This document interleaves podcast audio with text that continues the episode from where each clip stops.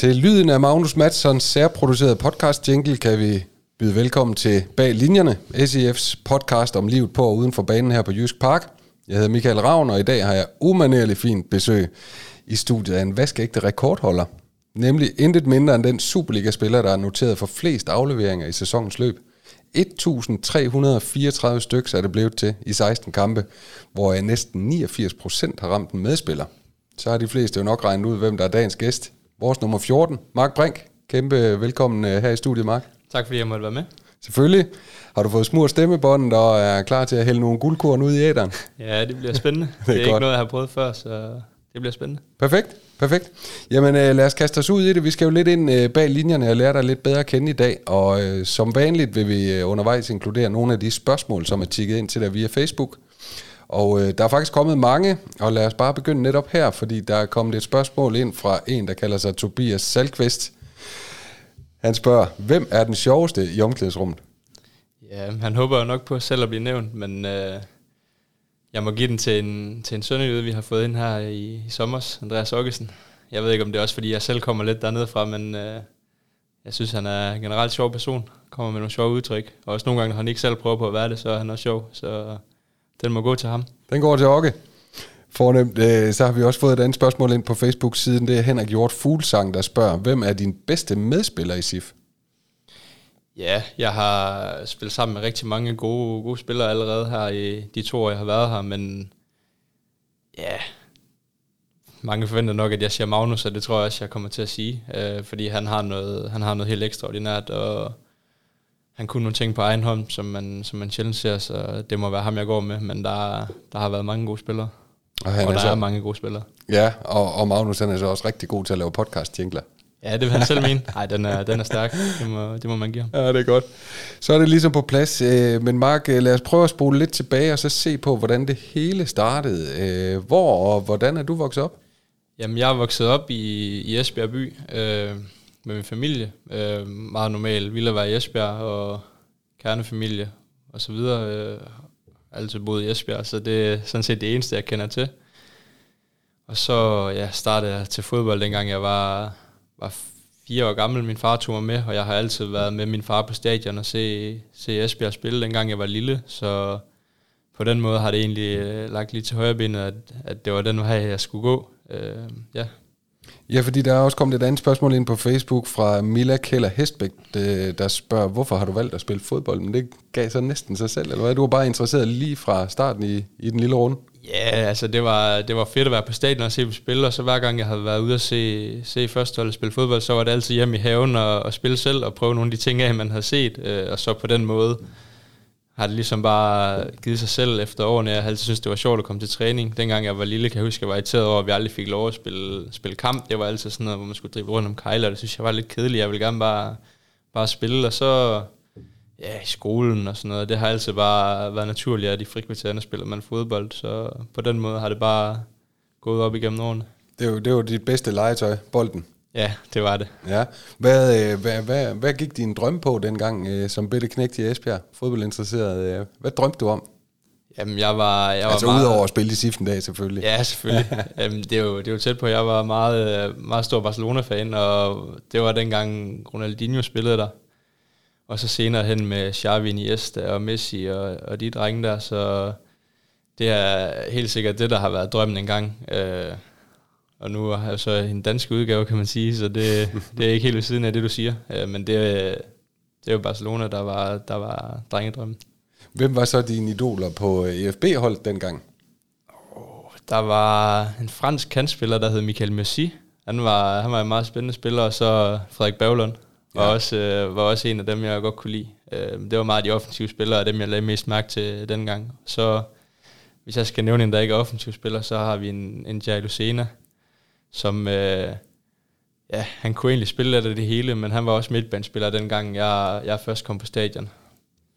Det var et stærkt hold, EFB øh, havde i de år der. Øh, hvordan har du det som, som øh, gammel Esbjerg-dreng med at se udviklingen dernede på Vestkysten? Det må gøre lidt nas. Ja, det var jo også, kan man sige, en af grundene til, at jeg, jeg ikke spiller der stadig, tror jeg, at det var lidt kaotisk, og jeg tror, jeg nåede i den tid, jeg var i førsteholdstruppen på to-tre år, at have, og næsten tocifret antal trænere, fordi at der, der har været så meget udskiftninger, og de har haft svært ved at finde ud af, hvilken retning de skal gå i. Øh, så ja, jeg håber da, jeg håber da, at de får lidt ro på dernede, og, og det kommer til at gå dem bedre, end det gør nu. Ja, for det er vel stadigvæk, nu, nu hvor du er opvokset i byen og klubben, det er vel stadigvæk øh, noget, du følger øh, grundigt med i, hvordan det går. Ja, jeg, jeg ser, ser deres kampe, når det lige passer, og jeg følger selvfølgelig med i, hvad der sker dernede, og jeg kender også stadig en del af dem, der er i truppen, selvom der er skiftet meget ud, så jeg følger der lidt med. Ja. Øh, vi skal også lige høre dig, Mark. Øh, hvis ikke øh, du var blevet fodboldspiller, hvad, hvad ville du så helst være? Eller var det bare altid drømt om at blive professionel fodboldspiller, der fyldte dengang øh, som barn? Men hvis nu? Ja, det er svært at sige. Altså jeg vil sige, hver gang jeg har tænkt sådan, hvad jeg ellers skulle have været, så er jeg kommet frem til den konklusion, at jeg er glad for, at jeg ikke har skulle træffe et valg nu. Ligesom mm. øh, mange af mine jævnaldrende, som ikke spiller fodbold, der står og skal vælge en eller anden vej, man vil gå i, fordi ja, jeg har virkelig, virkelig svært ved at se, hvilken vej det, vej det skulle være, men det må jeg jo tage stilling til den dag, hvor jeg bliver tvunget til det. Øh, men det, det er ikke, fordi jeg har haft sådan noget, hvor jeg siger, at jeg har altid drømt om at være pilot eller ejendomsmælder. Jeg, jeg synes, det er lidt svært øh, at skulle sige, hvad man, hvad man skulle have lavet, hvis det ikke var fodbold. Så jeg, jeg er glad for, at, at fodbolden det er, det er noget, jeg kan gå og lave hver dag. Klart, klart. Øh, men hvad så, øh, du, må, du må alligevel gøre dig nogle tanker om, øh, hvilken retning peger det mund hen af her om 10-15 år, når, når støvlerne skal lægges på hylden? Ja, man tænker jo altid, om, om man skal blive i fodboldbranchen, eller om man skal lave noget andet, og jeg vil sige, at den er lidt 50-50. Altså, hvis, hvis der kommer noget spændende inden for fodboldbranchen, er det jo ja, altså en branche, der, der er spændende, og jeg, jeg går ud fra, at om 10-15 år har jeg endnu mere viden om, om fodbold, end jeg har i dag, så det kan være, hvis det, hvis det er oplagt, at, at det skal være noget, så kan det jo godt være, at det er den vej, man går, men ellers, ja, så må vi se, hvad tiden bringer. Det har vi virkelig svært ved at, ved at finde ud af, hvad det lige skulle være. Ja, der er forhåbentlig også en del år til. Ja, det håber jeg. Ja. Det håber jeg. Øh, hvad kan du lide at bruge din fritid på? Øh, hvad, hvad er sådan dine interesser ud over fodbolden? Jamen, jeg er faktisk, ja, jeg kan meget godt lide at være derhjemme og, slappe af. Jeg er ikke typen, hvor der skal ske noget hele tiden. Det er måske lidt vestjysk, det ved jeg ikke, men, men hvis der sker for meget hele tiden, så kan jeg ikke rigtig følge med. Så jeg kan godt lide at bare at slappe af derhjemme på sofaen, øh, når, jeg ikke, når jeg ikke er ude at træne. Spille lidt Playstation, øh, se noget tv og, og slappe af. Og ja, en gang imellem så laver man noget sammen med nogle venner og så videre, men det, det er jo meget derhjemme faktisk. Det, det er der, jeg trives bedst. Hvad, hvad, hvad spiller du så, når der er gang i Playstation? Jamen, det enten på Playstation, der er det mest FIFA, men ellers så spiller jeg også lidt computer engang imellem, lidt Counter-Strike.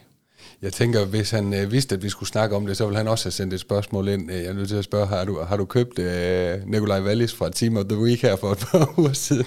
Ah, han, må lige, han må lave et hat mere eller noget, så han får et guldkort, så kan det være, at vi, vi overveje at putte ham ind på holdet, men, men for nu der må han uh, udblive. Måske han kan være en super sub eller et eller andet. Ja, men han kan da også bare få lov til at lave et hat i morgen, ikke? Jo, det vil ja. ikke gøre noget. Det vil ikke gøre noget. Godt. Uh, Mark, du er noteret for hele 39 officielle ungdomslandskampe i DBU-regi, så vidt jeg lige kunne se, uh, fra uge 16 til uge 20. Det er mange, uh, og i 2015 blev du sågar kåret som årets talent i uge 17-årgangen i, uh, DBU's årlige kåring af det største talenter i Danmark. Det er sådan en pris, som øh, nogle spillere som Daniel Lager, Simon Kær, Pierre Emil Højbjerg og Kasper Smeichel tidligere har vundet. Det er sådan okay øh, selskab at være i. Hvad, hvad har den pris betydet for dig?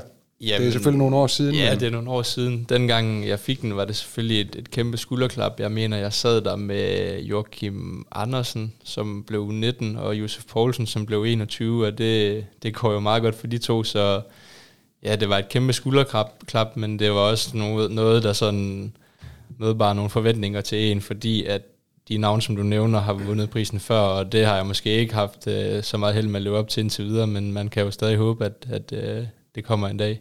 Lagde det stort pres uh, på dig selv fra ydre faktorer, eller fra dig selv, eller? Ja, på en eller anden måde har det nok gjort, fordi man kigger, ligesom du har kigget på de navne, der har vundet den førhen, og dengang var man jo et stort talent, og jeg var utrolig stolt af at vinde den, men jeg har også hele tiden haft den indstilling til tingene, at det er fint nok at være et stort talent, men man vil jo også gerne være god på et første hold, og det har jeg måske ikke haft så meget held med, før jeg kom her til SIF og, og har fået en masse spilletid. Mm. Man kan sige, at dengang i ungdomsårene, der var det jo øh, ofte med nummer 10 på ryggen, og et anførerbind på armen, og øh, en rolle som sådan offensiv kreatør. Øh, og det var også sådan, du kom ind på IFB-holdet i en meget ung alder, øh, fik meget tidlig debut, Og over 100 førsteholdskampe øh, i Esbjerg, inden du så skiftede til, øh, til Silkeborg på vinduets øh, aller sidste dag, øh, januar 2020. Hvordan kom det skifte i stand? Jamen, jeg havde en, en periode i Esbjerg, inden jeg kom hertil, hvor jeg ikke rigtig spillede så meget. Jeg var ikke rigtig med i, med i kamptruppen, og de valgte at, at gå en anden vej med en masse legespillere, og måske noget fodbold, som er lidt mere fysisk. Øh, og det er ikke der, min spidskompetence ligger. Så, så på det punkt kan jeg godt føle, at der ikke var plads til mig, men jeg har altid været den overbevisning, at, at som ung spiller, der kræver det, at man får noget tiltro og får lov at spille regelmæssigt nogle kampe før at man sådan rigtig kan, kan brænde igennem. Der er selvfølgelig nogen, hvor så kommer de ind og scorer i første kamp, og så kører den bare derfra, men, men det der med at, at have fået lov til at spille 5-10 kampe i streg, det er noget, jeg hele tiden har gået og tænkt sådan, at hvis jeg bare fik lov til det, så skulle jeg nok bide mig fast, men det, det skete ikke, og derfor valgte jeg så at kigge mig om efter, efter noget andet. Og der var jeg utrolig glad for, at Silkeborg de kom på banen. Det var en af de klubber, jeg kiggede på, og rigtig godt kunne se mig selv i, fordi vi, jeg var med i den kamp, vi spillede mod dem i den sæson, og der, der løb vi meget rundt efter bolden, og der kan jeg huske, at jeg løb og tænkte, at det må, det må være rart at være på det andet hold, fordi at det er sjovest at have bolden i fodbold, og det er knap så sjovt at løbe rundt efter den, så jeg var utrolig glad, da Silkeborg kom på banen, og det skulle jeg ikke tænke særlig længe over. Og en ting er så selvfølgelig, at du har nogle nylige erfaringer som EFB-spiller mod SIF, og øh, kunne lide den måde, der blev spillet på osv. Hvad med, da du øh, voksede op som ungdomsspiller? Hvad, hvad, hvilket indtryk havde du af SIF som klub? Man, man lavede de andre klubber at kende. Jamen, en klub, der gerne vil spille fodbold. Øh, nu var jeg også på et ungdomshold, hvor vi var mange gode spillere. I Esbjerg, øh, som senere hen er råd til udlandet, og der, der spillede vi også god fodbold, men en klub, der altid vil spille, og jeg har jo spillet mod Massimil og Magnus, og også nogle af dem, der var lidt ældre, Dolberg og, mm, og så videre, Sami Skytte, nogle af dem der, så de har altid haft nogle, nogle rigtig gode spillere, og det har aldrig været et, et hold, hvor man tænkte, at det var, det var sjovt at spille mod dem, og jeg tror, jeg har haft nogle gode kampe over på kunstgræsbanen her ved siden af stadion, som jeg lige kan huske det. Og øh, så øh, er det altså så knap to år siden, du skiftede her til SIF, og, og tak for det. Øh, men det kan øh, føre over til endnu et spørgsmål, der kom fra Facebook, hvor Christoffer Neubert spørger, hvad var din første tanke, da du skulle omskoles til sekser, spørger han. Øh, for det var vel ligesom var deklareret, inden du skiftede? Øh, både og. Jeg tror, det var sådan lidt øh, bare på en af de tre positioner, vi har på midten, både som 8 og 6. Jeg startede også lidt som 8 i de første kampe, jeg spillede, da jeg kom til. Øh, men jeg synes faktisk, at den der sekserrolle, den, den ligger meget godt til mig. Jeg har prøvet det også i nogle reservekampe i Esbjerg, men, men de synes så måske, at jeg mangler noget fysisk, og der passer jeg jo noget bedre ind her. Men jeg kan godt lide det der med at have mange boldberøringer på bolden, og få nogle pasninger, og være meget med i spillet, og måske være ham, der har tredje, fjerde sidste fod på, på de fleste angreb, frem for, frem for den sidste. Ligesom være med til at gå ned og, og bygge det lidt op i sådan en playmaker-rolle, det synes jeg passer, passer meget godt til mig. Og hvordan er du faldet til her i, øh, i byen? Jamen, meget godt. Øh, der er virkelig mange, mange gode mennesker i truppen, og vi har det godt sammen. Vi er jo en, en meget ung trup, øh, og har mange fælles interesser af den grund, og det, det er virkelig, virkelig en god trup. Og det er noget, man kommer til at huske tilbage på, når man engang stopper karrieren, at i Silkeborg, der, der havde vi det altså virkelig godt sammen. Ja, det virker meget harmonisk, men hvad for nogle ord kan du ellers sætte på uh, truppen? Hvad falder der lige ind? Jamen, ja, harmonisk er, er måske et meget godt ord. Altså, jeg synes, at, at alle kan med alle, og, og folk de vil, de vil hjælpe hinanden. Hvis man laver en fejl på banen, så står man ikke og peger fingre hinanden, så prøver man at reparere hinandens fejl, og det, det er også noget af det, der er med til at gøre, at, at det, det går så godt, at vi, vi er gode som hold. Det kan godt være, at vi, vi spiller flot fodbold til tider, men jeg synes også, at vi, vi arbejder godt for hinanden, og det, det er sådan den måde, jeg vil beskrive det på, at vi har et virkelig godt sammenhold, og der er noget unikt øh, i det omklædningsrum her. Er der nogen risiko for, at det kan blive for pænt, eller at man kan blive for gode venner? Man hører alle mulige forskellige udlægninger ude fra fodboldverdenen, både nationalt og internationalt, men er det, er det en risiko?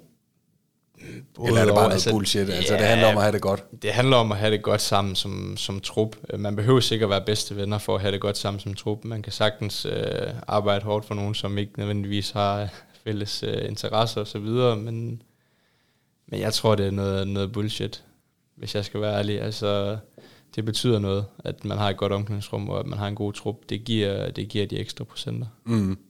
Og en del af, af tingene er selvfølgelig også cheftræneren. Hvad, øh, hvad, hvad tænkte du om at skulle øh, skifte til en klub, hvor Kent Nielsen øh, sidder i trænersædet? Jamen, først og fremmest så tænkte jeg, at han, han var kendt for at gerne ville spille noget god fodbold, både i, i de klubber, han var tidligere, og også de gange, jeg så også spillede med ham her i Silkeborg, så, så det, det var da en af de største grunde til, til at komme, og det har også vist sig at være et, være et rigtig godt match. Han, øh, han har fundet positionen til mig inden som, som sekser, og det, det, det trives jeg med, så det, det var selvfølgelig en, en stor grund til, til at skifte. Et, det et andet øh, spørgsmål fra Facebook. Det kommer fra Sondre Voldsgaard Jørgensen, der har spurgt her, hvor stor en betydning har Ken Nielsen haft for din udvikling?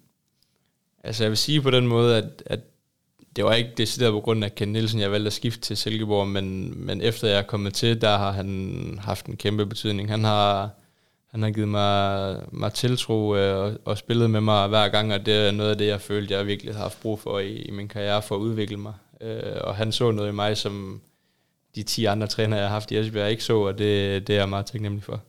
Og hvordan, øh, hvordan lærer han fra sig øh, til dig? Hvordan, hvordan, hvad er det for nogle sådan rent praktiske? Er det bare sådan små instruktioner, snak i hverdagen, og, eller hvordan Jamen, foregår det? altså jeg tror, at meget af grunden til det er, at han er meget klar og tydelig i, hvordan han gerne vil spille, og der er ikke nogen på holdet, der, der er i tvivl om, hvad vi skal gøre på stort set alle situationer i kampe, og det gør også, at man får lidt mere overskud til at folde sig ud som individuel spiller, så det der med, at, at alle ved, hvad de skal, og at vi ikke er i tvivl om det, og har en klar måde at spille på, det er noget, der gør, at, at individualisterne de kan blomstre.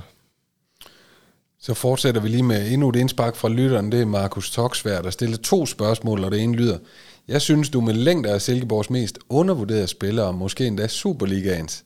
Og jeg synes, man ser mange ting i dit spil, som kan sammenlignes med nogle af de bedste sekser i verden. Er der nogle spillere, du kigger særlig meget på i dine bestræbelser på at blive en bedre sekser? Jamen først og fremmest tak for de, for de pæne ord. Det er, jo, det er jo tit, at sådan en position som den, jeg spiller, det er ikke dem, der får allermest spotlight, og det har jeg det egentlig fint med. Øh, hvis jeg skal svare på, om der er nogle spillere, jeg kigger på, så er det nok øh, en Busquets i Barca, eller en Xavi i Barca, selvom han måske ikke var decideret sekser, men nogle af de, der er rigtig boldspillende, fordi at der er nogle ligheder i, at jeg er måske ikke den største og den stærkeste, jeg er måske heller ikke den hurtigste, men hvis man har hovedet skruet ordentligt på, og, og ens tanker de er hurtige, så er det ikke noget problem, og det, det er selvfølgelig noget, man kigger på. Der er også tikket et spørgsmål ind fra Ulla og Christian Myrhøj, der spørger, om du føler, du har fået nok kredit udefra for dine altid solide præstationer. Du er selv lidt inde på det der, der, men det er måske ikke lige den position, der sådan høster øh, flest øh, laverbærkranse, men... Nej, sådan er det jo nok generelt i fodboldverdenen. Det er jo tit de der offensive stjerner, der, der løber med hederen. Det ser man også internationalt, så det...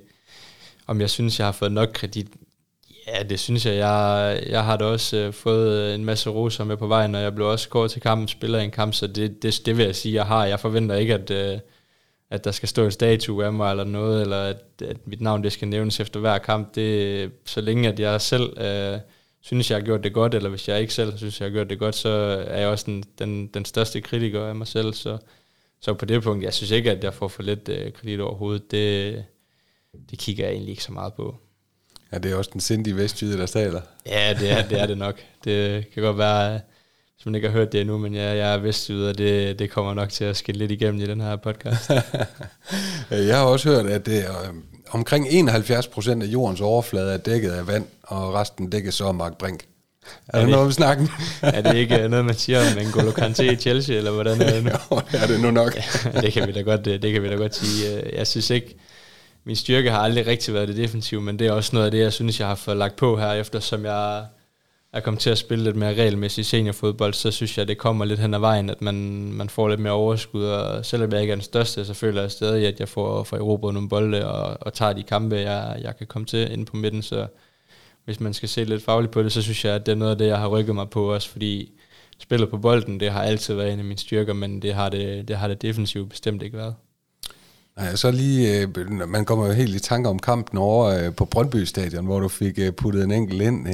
Målfarligheden, den, den har du glemt, eller hvad? Ja, det havde jeg jo så ikke der. det, det, var, det var ungdomsårenes Mark Brink, der kom frem der ja. i en lille, lille splitsekund. Ej, jeg vil sige, det er ikke, det er ikke så meget min rolle lige at komme, komme med frem i de der løb, men øh, nogle gange så sker det, og så skal man jo også bakke ind, når man får chancen, og det var jeg jo heldig med derovre. Det er da også dejligt. Du var meget målfarlig som unge, ungdomsspiller, ikke? Jo, jeg har altid, altid lavet uh, godt med mål, uh, taget i betragtning af, at jeg var en midtbanespiller, så, men jeg har også spillet længere frem på banen, en gang jeg var ungdomsspiller, mm. og skulle ikke tænke så meget på det defensive, og nu er min rolle så lidt den anden, så det er jo måske ikke så, så mange chancer, men, men derfor er det dejligt at score et mål i en gang imellem også. Er du, øh, ja det giver næsten sig selv, men føler du selv, at du blev en, en mere komplet fodboldspiller, efter du kom til Silkeborg? Og fået lagt de der lidt mere defensiv, et mere defensivt mindset til også at kombinere med, med dit i udgangspunktet vel offensive indstilling? Ja, altså man kan sige komplet, men jeg vil også sige generelt bare en mere voksen spiller, fordi at det var nok noget af det, jeg fik mest kritik for i Esbjerg, at det var stadig ungdomsfodbold, det jeg løb og spillede, og at, at jeg var måske ikke voksen nok i mit spil, og det kræver jo også, at man får lov til at spille regelmæssigt med, med de voksne. Så jeg ja. ved ikke, om man kan sige så meget her, vi er jo mange unge, men, men jeg er mere komplet, mere voksen, vil jeg da klart sige, at jeg er blevet efter, efter jeg er kommet hertil, og også nu, når jeg har fået sådan en rolle, hvor det kræver, at man man kan stå i defensiven og også få, få Europa nogle bolde, så det, det har jeg ligesom været tvunget til at få lagt på. Så jo, det vil jeg sige, mere komplet og mere voksen spiller. Øh, apropos det her med voksen og de unge, og du siger, der, der, det er virkelig en ung trup. Øh, hvordan ser du på den balance, der, der er i SIF-truppen imellem øh, ung og ældre og ja, ikke engang rigtig gammel, der er vel ikke rigtig nogen? Nej, men det er de jo så blevet, fordi de er i den her trup, kan man sige. Så må de jo, så må de jo høre lidt for det. Men jeg synes, jeg synes, vi har en god balance. Vi har nogle, nogle ældre spillere, der har prøvet lidt, og så har vi en masse unge med, med en masse gå på mod, og det, det er med til at presse de ældre spillere lidt, at de skal holde sig på duberne, fordi at ellers så kommer der en ung spiller bravne. Og det er også med til at, med måske at, at guide os unge spillere lidt, øh, og ligesom nogle gange sige, okay, ro på her, i stedet for at det bare bliver buller og brag det hele, fordi det kan, det kan det godt have lidt tendens til med, med en masse unge spillere, så jeg synes, at, at der er fundet en god balance øh, i truppen. Hvis vi så øh, dykker lidt ned i statistikkernes godtepose, og nu det bliver lidt langt det her, fordi øh, uh, SIF er ifølge de officielle statistikker Superligaens bedste, blandt andet på boldbesiddelse, antal afleveringer, succesfulde afleveringer, meter løbet, antal afslutninger på mål, afslutninger blokeret, mål scoret på kontra, succesfulde lange afleveringer, altså over 32 meter, succesfulde afleveringer på egen banehalvdel, også på modstanderens afleveringer til siden. Bag mange af de tal gemmer sig jo så hele 1334 afleveringer fra dine fødder. Du er simpelthen den klart mest boldbesiddende spiller i Superligaen, og i øvrigt også i top 5 over dem, der løber mest. Hvad tænker du om det og de andre stats her? Jamen, det, det er selvfølgelig positivt, øh, fordi at den måde, vi spiller på, der kræver det også, at, at jeg har bolden meget og, og bidrager, når vi har den. Og så kan man sige, at det med meter løbet, det er jo fordi, vi har den spillestil, som vi har, at, at det kræver meget, og især er også inde på midten, at der skal altså løbes nogle meter, før at, at man kan spille på den her måde, fordi at, at det er meget krævende for os spillere, og det, det viser sig også i de der tal. Jeg tænker, at vi har vi har en del spillere med på, på den der liste over flest løbet meter, og ja. det, det siger noget om spillestilen, og det, det gør alle de andre tal også med afleveringerne, at, at hvis man har 10 medspillere rundt om, så der rigtig gerne vil have bolden, så bliver det også meget nemmere for mig at, at få så mange afleveringer, men, men noget af det, jeg sådan prøver at hæfte mig ved, det er, at det, det kan godt være, at man har 1300 afleveringer, men hvis, hvis alle afleveringerne er til de to midterforsvar eller målmand, så hjælper det nok ikke så meget, så det handler også om hele tiden det der med at spille fremad og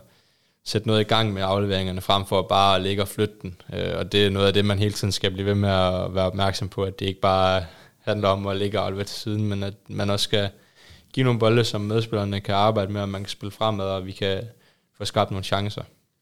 Så sagde du tidligere, at øh, da du mødte øh, SIF med EFB øh, førhen, så kunne du kigge næsten helt misundeligt på den spillestil. Har du sådan fået indfriet øh, de ønsker, du havde til øh, det hold, du skulle spille på ved at, ved at skifte hertil? Ja, det, det har jeg bestemt. Jeg, altså enten Nordsjælland eller Silkeborg, hver gang man har mødt dem, så har man altid løbet at tænke på, hvor sjovt det må være at have bolden hele tiden. Og nu, når man løber og har bolden, så har man helt glemt de tanker, at nu, nu, er, det bare, nu er det bare noget, man har, og noget, man, noget, man gør, en måde, man spiller på. Så det, det er klart noget af det, det sjoveste fodbold, jeg har været med til at spille, det vi, det vi spiller nu, fordi at vi alle sammen er så, så all in på, at vi vil spille god fodbold, og vi vil gerne have bolden, og det, det er noget, jeg virkelig trives i, og jeg synes, øh, ja, som sagt, det er noget af det sjoveste fodbold, jeg har været med til at spille. Fedt.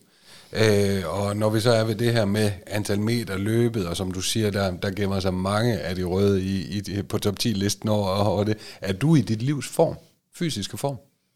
Ja, det vil, det vil jeg sige. Altså, det kræver meget at spille derinde, og, og hvis jeg ikke, øh, hvis jeg ikke er i, i god nok form, så har jeg en træner, der står og råber og skriger derude, så, så det vil jeg sige. Og vi, vi, vi får også øh, rimelig meget løbetræning en gang imellem, øh, nok mere end vi spiller selv synes øh, er rimeligt, men, men det er jo også noget af det, man kan se udmyndter sig i kampene, og det er måske derfor, at vi, vi, vi spiller så godt, som vi gør.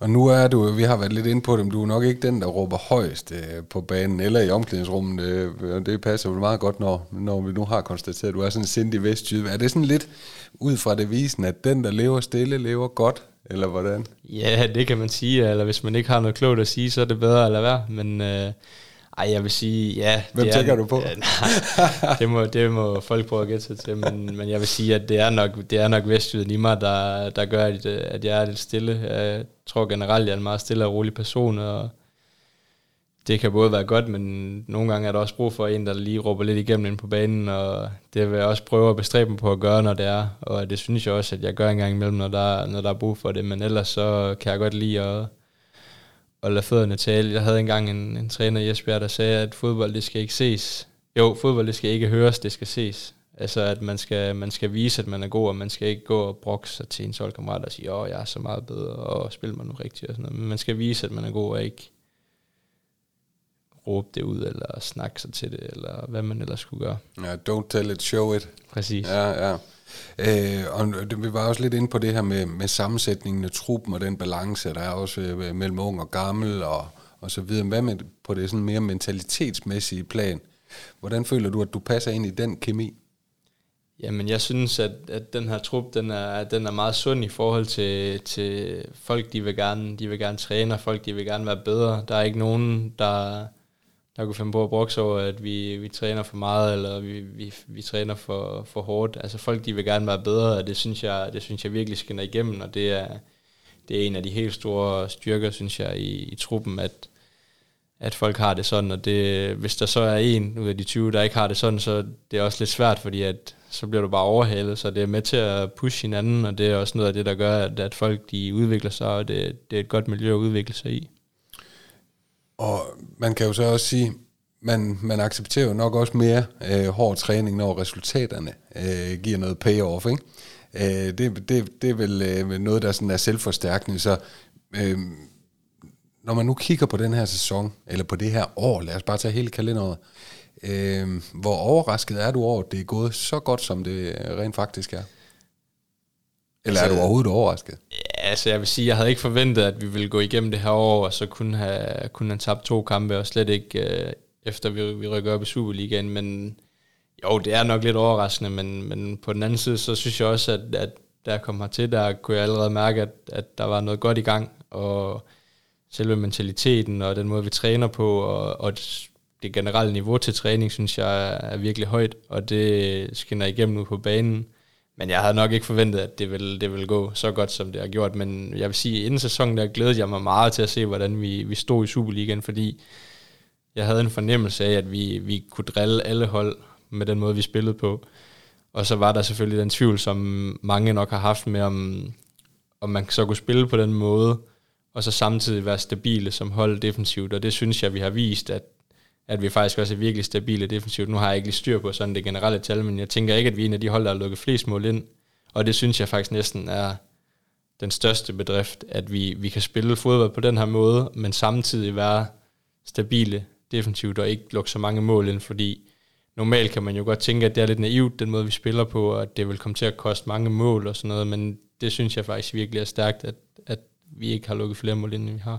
Og hvorfor er det blevet sådan, at, at SIF faktisk er ud over de her sprudlende offensive øh, elementer, også lukker rigtig øh, godt øh, af bagud?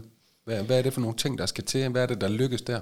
Jamen, det er jo også noget, det har været inde på tidligere, det der med, at man er villig til at, til at løbe for sine sidemarker, og det der med, at vi alle sammen ved, hvad vi skal gøre, og vi har en meget klar spillestil og, spillestil og en meget klar måde at, at svar på, og folk de, de ved, hvordan de skal gøre. Jeg tror, mange af de hold, der spiller mod os, det er også en lidt atypisk måde, vi, vi gør tingene på i forhold til så mange andre klubber, så jeg tror, at folk de har lidt svært ved at løse det, og de prøver lidt forskellige ting, uden rigtig at lykkes med det, og det, det synes jeg er imponerende. Hvad siger de andre spillere, altså hvad siger modstanderne om øh, den måde, øh, vi spiller på her i Silkeborg? Du har selv været inde på, det er pisseirriterende at spille over for, og det har man også indtryk af, at der er nogen, der synes det. Hvad, hvad, hvad siger de, når I går og hygge snakker lidt derinde, uden altså, du behøver at sætte navn på? Jamen, jeg vil sige, at den, den generelle holdning, som man hører fra, fra spillere efter, vi har mødt dem, er, at det, det er pivirriterende at løbe så meget rundt efter bolden, og at, at hver gang de går op og presser os, så er vi gode til at, til at spille os ud af det, og jeg tror, ja, jeg tror, at, at vi er virkelig et irriterende hold at skulle møde man kan være irriterende på mange måder, men jeg tror alligevel, den måde, vi gør tingene på, er noget af det, der er mest irriterende at spille over for. ja, det er meget fedt, ikke? Jo, det er, det er meget fedt at være på det hold, frem for at skulle spille imod det. Ja, klart. Hvad har været de øh, forløbige højdepunkter i sæsonen for dig at se? Altså i sæsonen her i Superligaen? Ja, personlige højdepunkt var nok at score på Brøndby Stadion. Det, det er nok mit personlige højdepunkt, og så at blive kåret til kampens spiller herude på, på hjemmebane var også en af de ting, jeg sådan tænker er højdepunkterne. Men generelt så vil jeg sige, at, at det der med, at vi kun har tabt to kampe, er, er for mig at se, ja, et højdepunkt, men det er jo egentlig generelt det, det hele halve år her, men at, hvis jeg skal fremhæve en kamp, så vil jeg sige kamp 2, hvor vi som oprykker tager til parken, og FCK, de tænker, at de skal, de skal bare ud og presse os, og den skal de nok vinde, og det er tre sikre, og så gå derover og så spille med det mod, vi gjorde. Vi kommer fra, fra en første division, og går direkte ind på, på nationalarenaen, og bare spiller, som vi altid har gjort. Det synes jeg, det er stærkt, og det kræver virkelig meget, at, at man tør at gøre det, fordi at det er måske nemt nok at gøre det mod et første divisionshold herude, men at, men at tage ind i, i parken mod en så stor klub, og med så mange tilskuere og så videre, så bare gå ind og, og hele tiden gøre det, vi, vi tror på, at, at den måde, vi får flest resultater på, det synes jeg, det var stærkt, og det var nok også noget af det, der var med til at give os selvtilliden til resten af det her halvår og sige, okay, hvis vi kan gøre det herinde, så kan vi gøre det alle steder, og det, det er noget, vi nok har taget med os videre i lang tid, og har været stærkt medvirkende til, at det er gået, som det er gået. Ja, for nu er der ingen tvivl længere øh, hos jer gutter i truppen. Altså, I, I ved bare, det virker det her. Sådan, sådan ser det i hvert fald ud til. Ja, det, det er klart. Altså, vi, man, som jeg nævnte før, man var meget spændt ind sæsonen på, hvordan det vil komme til at gå, og det er ikke særlig mange hold, der, der lykkes med at, med at, at spilles på den måde i, i ligaen, og det, det, det er bare fedt at være en del af. Og så har vi, øh, vi optager her torsdag eftermiddag. I morgen gælder det så uh, kalenderårets uh, sidste kamp fredag aften i, i Aarhus. Det er en kamp, som øh, rigtig mange øh, røde ser gevaldigt frem til. Øh, hvordan ser du frem til det? Jamen, det er også en kamp, vi i spillertruppen ser rigtig meget frem til. Jeg tror, hvis, hvis jeg kunne vælge øh, en kamp på det her halve år, som jeg gerne vil vinde, så tror jeg, at det skulle være på udebane mod AGF, og gerne så mange tilskuere som muligt. Det, det vil virkelig være fedt at, at slutte et, et flot år og et flot efterår af på, på den måde ved at tage til Aarhus og tage, tage tre point. Og også, hvis man skal kigge lidt på tabellen, vil det også være, være, være ganske glimrende. Ja, det, det, det vil være tre velkomne point, lad os sige det sådan. Øh, apropos tilskuere, for der kommer selvfølgelig rigtig mange øh, med hvide trøjer på øh, på CS Park i morgen. Men der kommer også rigtig mange med røde, uh, og det har været en, en generel tendens, som du garanteret også har lagt mærke til, at der, der er egentlig kommet en bedre og bedre opbakning her i, i, i de sidste måneder. Uh, hvad, hvad, hvad, hvad, hvad, hvad siger du til det? Uh, hvordan har du uh, mærket det?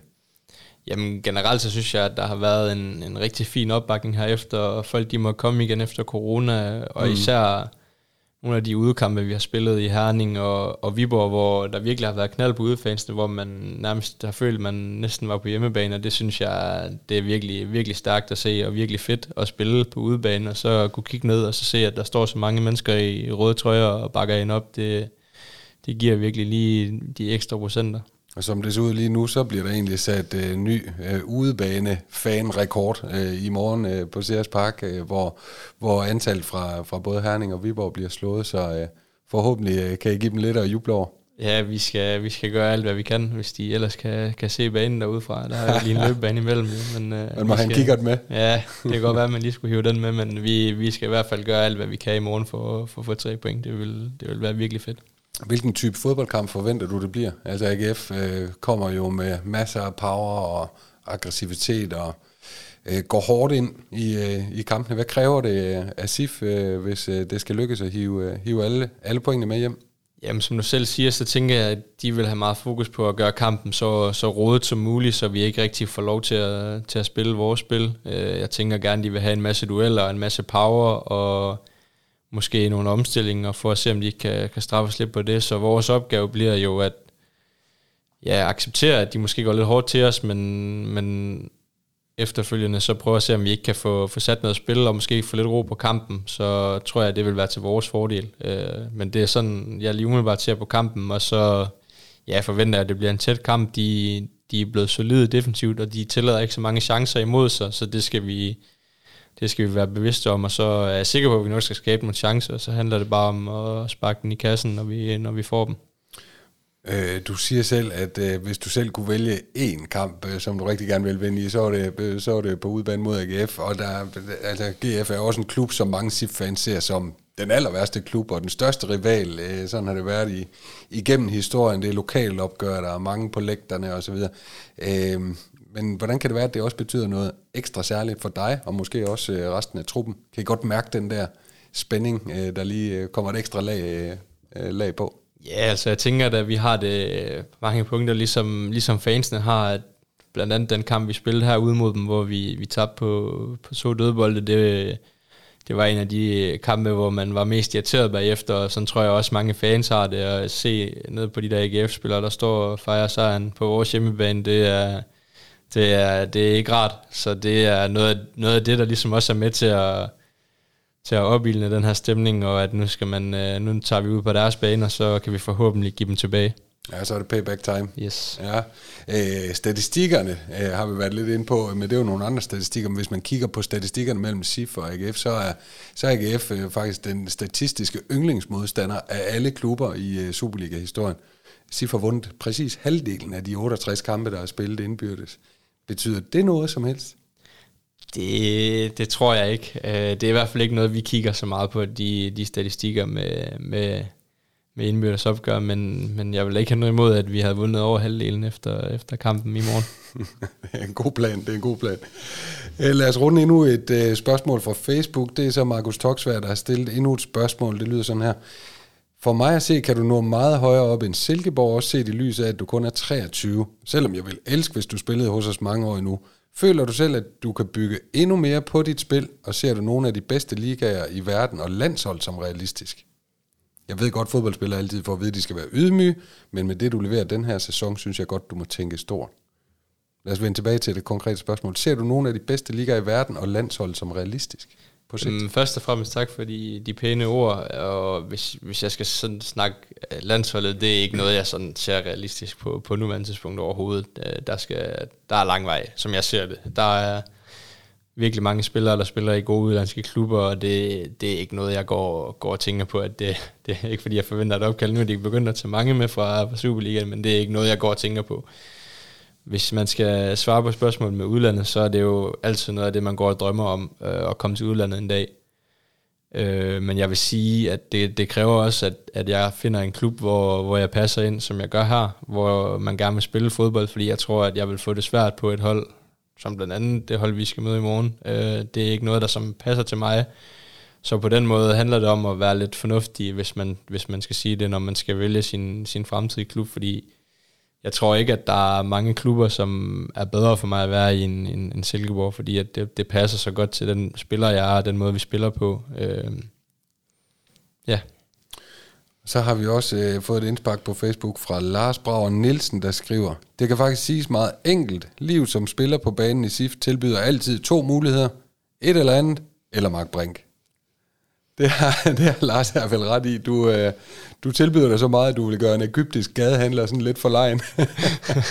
det ved altid til rådighed, ikke? Jo, jo, det er jo det. Det er også derfor, jeg har så mange afleveringer. Det er jo fordi, jeg altid vil have, have bolden, og det, det er der, jeg er bedst. Så det er, jo, det er jo bare med at få fat i den så meget som muligt, og så se, om jeg ikke kan, kan sætte noget i gang. Øh, ja, det, det er da lidt sjovt skrevet. Det, det kan jeg da godt følge om i. Og dermed, øh, Mark, så er vi faktisk allerede ved at være i mål med dagens podcast, øh, med mindre der er nogle, øh, nogle guldkorn, du mangler at aflevere her til sidst. Nej, det vil jeg ikke sige. Det, det er hjemme og slappe af, og så forhåbentlig tre point i morgen. Det, det er der mit hoved der nu. Det synes jeg bare, vi skal lave en fast aftale om. Det, det gør vi så. det er godt. Så vil jeg sige tak for, at du lagde vejen forbi podcaststudiet. Rigtig, rigtig meget held og lykke i kampen mod AGF. Lad os satse på, at vi får en tur i den røde blender. Yes, tak fordi øh, jeg måtte være med. Selvfølgelig. Det her var podcasten bag linjerne fra studiet på Danmarks smukkeste fodboldstadion. Tusind tak, fordi I lyttede med.